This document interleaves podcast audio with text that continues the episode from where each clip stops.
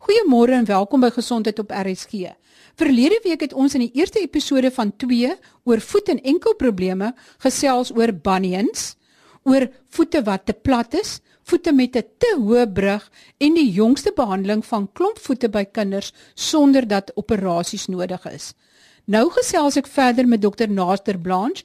Hy's 'n ortopediese chirurg verbonde aan Medikliniek Louis Laipold en hy konsentreer op net voet en enkel operasies. Ons bespreek vandag hamertone, oftewel kloutone en enkelvervangings of wat dan gedoen kan word as die enkelgewrig probleme gee. Dokter Terblanche, wat is 'n hamertoon en hoe ontstaan dit? 'n Kloutoon per definisie sê ons altyd is 'n senuweeprobleem, so dis 'n wanbalans tussen die spiertjies, die intrinsieke spiertjies van die voet en die ekstrinsieke spiere, so die voet wat die lang spiere wat van jou kuite afkom die funksie van die lang spiere is om jou tone te klou en die funksie van die kort spiertjies om jou tone reguit te maak. En as die kort spiertjies verdwyn as gevolg van 'n neurologiese oorsaak of dit probleme is wat uit jou rug uitkom, senuwee of lokaal, dan begin die, die lang spiere se funksie die tone opklou dan maak die toon nie kontak met die grond eweredig nie en dan begin 'n mens kalositeite of seer areas op die vel kry. Hoe maak julle dit reg? Ja, mens moet daai ba balans probeer regkry wees. Mens moet kyk na die die oorsaak van die siekte en probeer om 'n neurologiese probleem uit te sorteer. En dan kan jy of sagte wesel of bene gewerk doen. So as die as die deformiteit nog beweeglik is, en nog nie rigied geraak het nie, kan jy van die pesies loslaat en selfs verplaas na die ander kant. Dus jy kan van die pesies vat wat oorwerk en hulle loslaat en hulle verleng en die pesies wat nie daar is nie, kan jy selfs vat en, en verplaas laat hulle so jy kan die, die toon so balanseer. Baie keer kry ons hierdie pasiënte wat se tone nou al so ver gevorder is dat dit rigiede deformiteit is en dan moet ons weer eens benige werk begin doen waar jy fisies die gewriggies styf maak in 'n gekorrigeerde posisie en baie keer selfs die gewriggie bietjie korter maak om plek te maak vir die sagte wesel wat nou verkort het. Maar sal dit nie maar weer ontwikkel nie? Dit is een van die probleme waarmee ons dit doen het want ons het so uh, 70 tot 80% goeie uitkomste en dan kan dit weer terugkom en dit is een van die groot probleme wat ons het medisyne is nie exact science nie. Ons ons weet nog nie alles nie. Ons vorder, maar dit is dit is 'n groot probleem vir ons, veral van die kleiner toontjies.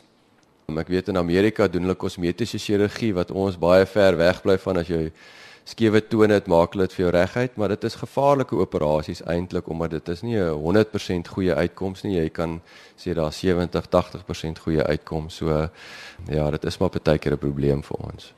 Jy het voorheen gesê jy sien pasiënte wat ook deformiteite of probleme het as gevolg van reumatoïede artritis. Is dit baie of word dit minder? Ja, so reumatoïede artritis is 'n groot probleem in die algemeen en en soos ek sê dit manifesteer baie keer in die voet. Reumatoïede artritis is 'n sistemiese siekte wat dan inflammasie veroorsaak in jou gewrigte en soos die inflammasie nou vorder in die gewrig, maak dit die die ligamente en die kapsel van die gewriggie swak en dit vernietig ook kraakbeen. Ons kry veral in die voorvoet kry ons erge bunions en kloutone en in die agtervoet kry ons baie keer artritis van die enkelgewrig of selfs platvoete wat ontwikkel. Ehm um, en dit is moeilik om hierdie pasiënte te behandel. Hulle is op ehm um, klomp medikasie. Hulle kans vir infeksies na operasies is hoër en baie van die gewrigte is aangetas. So dit is wyd versprei in die voet, so dis moeilik om dan operasies te doen. Gelukkig vir ons is daar nou vordering, die nuwe biologiese medisyne wat hulle gee vir reumatoïede artritis is baie meer effektief en ons sien progressief al hoe minder en minder klassieke reumatoïede probleme in die voete. So hooplik in die toekoms soos wat hierdie medisyne meer uitgegee gaan word en meer beskikbaar is vir ons pasiënte. Ehm uh, want op die, op hierdie stadium sit ongelukkige diermedikasie omdat dit relatief nuut is. Ehm uh, maar soos wat die tyd aangaan, raak dit meer beskikbaar vir pasiënte en die pasiënte wat op hierdie biologiese behandeling is, doen baie beter en kry baie minder probleme veral in die voet en enkel. Dokter Terbrandt, ons het nou gesels oor die meer algemene probleme, maar ek het nie eens geweet daar word ook enkel vervangings gedoen nie. Is dit nie 'n baie moeilike operasie nie en in watter gevalle is 'n enkel vervanging nodig? Ja, nee, ons doen enkel vervangings. Ehm uh, miskien moet ek net weer by die begin begin en sê dat die enkel is 'n gewrig soos die knie en die heupgewrig wat artritis kan ontwikkel. En dis gewoonlik ons praat nou nie van die reumatoïede artritis pasiënte wat 'n sistemiese siekte het nie. Enkel artritis ontwikkel gewoonlik as gevolg van trauma of wanbeleiding van die voet of die been en nie primêre osteoartritis wat ons baie sien in die heup en die kniegewrig nie.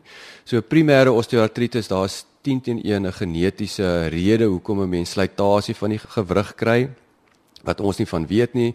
Hens die woord primêre osteoartritis, maar sekondêre osteoartritis, so dis die osteoartritis, die slytasie wat 'n mens kry in gewrig wat ons wel 'n rede voor kan kry om te sê daar was trauma of ehm um, daar was infeksie in die gewrig of daar's wanbeleiding dat die dat die dat die gewrig skeef afloop. In die enkel se geval is dit gewoonlik sekondêre osteoartritis. So 'n eenvoudige enkelfraktuur um, is gewoonlik die rede hoekom ons artritis van die enkel ontwikkel.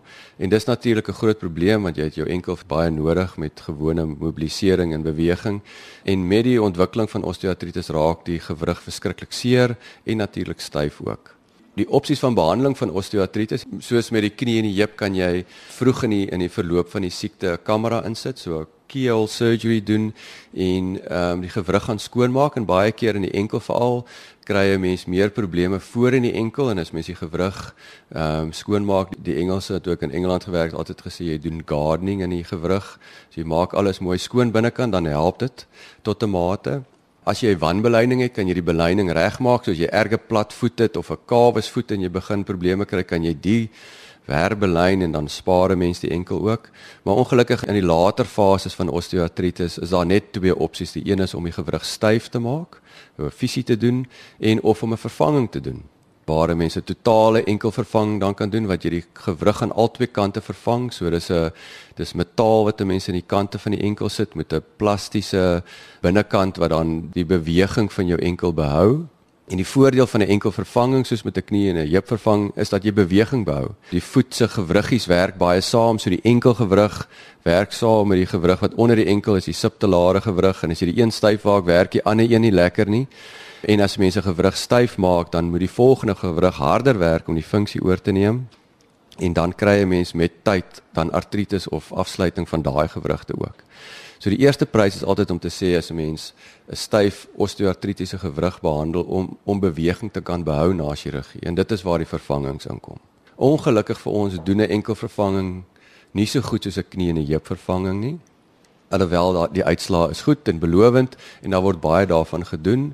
Ek dink dit is belangrik om te sê dat dit is nie 'n maklike operasie nie, so dit moet gedoen word deur mense wat baie daarvan doen en baie ondervinding het en in die literatuur wys ook dat in daai gevalle doen die pasiënte beter. Hang af wat se literatuur en wat se artikels jy lees, maar die 10 jaar uitkomste is relatief goed in enkelvervangings tot by 80% wat wat die enkels oorleef en ehm um, mense kry maar wear and tear of afsluiting van die enkelvervanging ook. So daar is ook probleme soos wat 'n mens met 'n knie en 'n heupvervanging kry dat 'n enkelvervanging het 'n lewensverwagting en 80% van enkelvervangings kan tot 10 jaar lank hou. Die probleem is soos wat die enkel dan afsluit en losraak, moet 'n mens dan besluit of jy gaan weer 'n enkelvervanging doen en of jy gaan dan die enkel styf maak. Daai prosedures raak dan baie moeilik en die en die langtermyn uitkomste van daai prosedures is nie so goed nie. Hoeveel pasiënte sien julle byvoorbeeld 'n jaar wat julle enkel vervangings moet doen? Ek neem aan is nog skaars. Dit is skaars omdat ons baie krities is op wie ons enkel vervanging doen. So ons sê pasiënte moet ouer as 50 jaar wees. Die uh, meeste pasiënte is ouer as 60 jaar wat jy dit doen want jy wil nie hê die lewensverwagting van die enkel moet so wees dat dit dat die dat die pasiënt 2 of 3 keer gaan probleme kry met die enkel nie. Um, ons kyk na die beweging van die enkel. So jy wil hê die enkel moet goeie beweging hê ten spyte van die artritis sodat jy die enkel se beweging kan behou. Ehm um, as die enkel klaar styf inkom, dan kan jy maar net sowel die enkel um, amptelik gaan styf maak en jy gaan nie die funksie veel belemmer in daai opsig nie. Ons wil graag hê dat die enkel moet stabiel wees, so al die ligamente moet intakt wees en daar moet nie groot deformiteit te wees nie. Ons weet nou ook in die literatuur dat daai as jy daai kriteria volg, dat dit die pasiënte is wat goed doen in die langtermyn. En op die einde van die dag is dit relatief min pasiënte wat inkom met artritis kry dan enkel vervangings. Ek sal sê in ons praktyk is dit 2/3 wat ons nog steeds sal styf maak en en heelwat minder wat ons die enkel vervanging voor sal aanbied. Gaan kyk gerus op www.rsg.co.za. Daar is baie interessante addisionele inligting gelaai oor hoe die voet lyk wat te plat is, te hoog is of 'n klompvoet is, 'n bunion en hoe die operasies gedoen word, byvoorbeeld in 'n bunion operasie om dit weer korrek te belyn, die gewriggie reguit te kry En dan hoe mens as jy platvoete het, meer geneig is om aan die binnekant van jou hak af te trap of as jou brug van jou voet baie hoog is, dat jy meer geneig is om aan die buitekant van jou hak af te trap. Dan is daar ook fotos wat wys hoe 'n babatjie wat met klompvoete gebore word, se beentjies in gips gesit word en dan elke week of tweede week verander word sodat die klompvoetjies geleidelik op die regte manier in die regte posisie, normale posisie ingebuig word. Gaan kyk gerus daar, dis baie interessante inligting. Ons gesels nou verder oor 'n stywe enkelgewrig. As jy die gewrig dan styf maak, het die voet dan nog enigsins beweeglikheid? Ja, kyk, die goue standaard nog steeds vir enkel artritis is om die gewrig styf te maak, veral in die jonger pasiënte wat jy weet 'n enkelvervanging gaan afloop en gelukkig het die enkel of die voet wel soos ek sê meer as 30 gewriggies en die ander gewriggies neem die funksie van die enkelgewrig oor.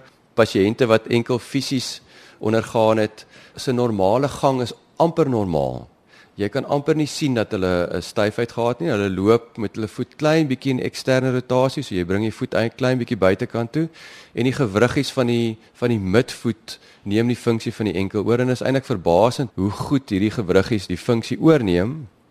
Soos ek gesê het wel, ongelukkig werk hierdie gewriggies dan harder en hier by 10, 15 jaar na enkel fisie begin 'n mens dan spontaan artritis ontwikkel van daai gewriggies. So uh, ons hoop in die toekoms dat enkel vervangings meer en meer suksesvol gaan wees want dit is op die einde van die dag as ons kan beweging behou die groot voordeel dan in ons behandeling dat die ander gewrigte dan nie gaan probleme ontwikkel nie. En ook as gevolg van die feit dat jy beweging behou, is die funksie in die voet beter. Dr. Ter Blanche, as jy dan moet afsluit, en sê wat kan ek doen om seker te maak dat ek nie by jou uitkom nie. Ek moet seker nie hoek skoene dra nie ensovoorts, maar wat sal jy sê? Wat is die beste manier om eintlik jou voete so gesond as moontlik te hou? Ja, ek dink as 'n mens 'n sistemiese siekte het, veral die diabetiese pasiënte moet verskriklik mooi kyk na hulle diabetes, hulle suikerkontrole, want ons sien ontsettend baie probleme met diabetes te wat voetprobleme ontwikkel en dit raak 'n verskriklike moeilike probleem om op te los. So as jy 'n sistemiese siekte is dit verskriklik belangrik om dit so goed as moontlik medies te kontroleer. As jy diabetes is, moet jy weet dat jou sensasie op jou voet is nie wat dit moet wees nie en mens moet verskriklik mooi gaan kyk na jou voet elke dag. Jy het nie daai natuurlike pyn siklus wat werk en jou voet beskerm nie, so mens moet mooi daarna gaan kyk. Dan moet 'n mens ook gaan kyk wat se skoeisel jy dra. Ehm um, dit is belangrik om gemaklike skoene te dra wat genoeg plek vir jou voet gee. Hoe nouer jou skoen is wat jy dra, hoe meer druk sit jy op jou voorvoet en dan sien 'n mens probleme as gevolg daarvan. So ek dink skoeisel is belangrik. Mens moet mooi gaan kyk wat se skoene jy dra nie te hoë hakke nie en nie te nou voor. Ja, so as jy gaan kyk na die skoen wat jy dra en haal jou voet uit die skoen uit, moet jou voet dan nie te veel breër wees as die skoen wat jy dra nie. En hoë hakke sit natuurlik ook meer druk op die voorvoet en dan kan 'n mens probleme kry soos kloutone en en oorlaai van jou voorvoetgewriggies wat dan deformiteite en bunions veroorsaak. Temmel mense begin 'n bunion kry, is dit beter om gouer te kom. Mense kry bunions en jy kry bunions. Ons opereer en behandel bunions wat seer is. En weer eens sal ek teruggaan as jy sien jy het 'n bunion, is dit belangrik om te sê ek gaan ordentlike skoeisel dra. So dit is belangrik om te kyk na jou skoeisel. Mens moet sagte skoene dra wat breed is sodat jy nie te veel druk op jou tone sit en jou tone vasklem en vasdruk nie. Dit is belangrik en dan is hoë hakke as 'n mens te veel stilettos dra definitief 'n probleem. Ehm um, en ek dink mense moet maar daarna kyk ook in die toekoms. As mense nou draf of so, dan gaan jy nou kom na iemand toe en dan kyk hy dat jy nou nie te veel aan die buitekant of aan die binnekant trap nie en gee hulle vir jou skoene daar volgens jy dit enigsins invloed. Dit is 'n baie kontroversiële ding wat jy vir my vra.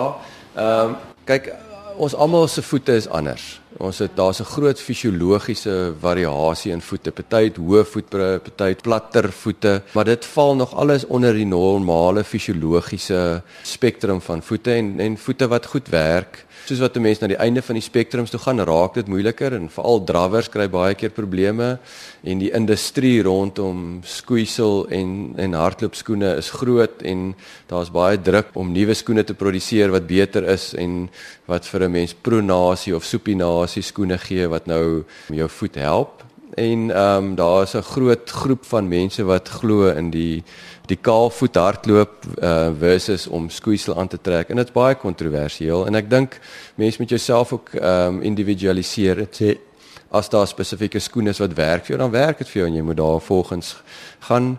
Ek gaan nie my kop op 'n blok sit om te sê kaalvoet hardloop of met spesifieke skoene is beter nie. En ek dink mense moet self gaan kyk ehm um, en besluit en verskillende skoene probeer want dit is so belangrik veral in ons moderne lewe wat ons in bly, jy het baie min tyd en jy raak ouer, so die Engelse of die Amerikaners het 'n mooi beskrywing van weekend warriors, wat jy het net tyd om oor naweke oefening te doen en dan oordoen jy dit en dan kry mens oorgebruik beserings en skoene speel 'n groot rol. En mense moet gaan kyk dat jou skoene nie afgesluit is of afgeloop is nie en maar kyk dat jy die regte skoene dra wat nie jou voete seer maak nie en ek dink jy moet maar na jouself kyk en besluit of dit goeie skoene is of nie. Ek hoop almal verstaan nou beter oor hoe 'n banyan operasie werk, hoe die gewrigte weer belyn moet word, watter probleme kan ontstaan van 'n te hoë of 'n te plat voetbrug en dan ook as die enkel styf word. Volgende week gesels ek met 'n plastiese chirurg, professor Frank Grewe, oor Wat is die nuutste tendense in kosmetiese chirurgie? Dit sluit nou chirurgiese behandeling in, maar ook die gebruik van botox en fillers en wat alles gedoen en gebruik kan word. En ons gesels ook oor die nuutste tendense in borsrekonstruksie en hoe goed en hoe mooi 'n plastiese chirurg deesdae 'n borsrekonstruksie kan doen na 'n mastektomie die fotos wat ek gesien het is verstommend. So skakel gerus volgende week weer in, dan gesels ons oor hierdie interessante onderwerp. Tot volgende week dan. Totsiens.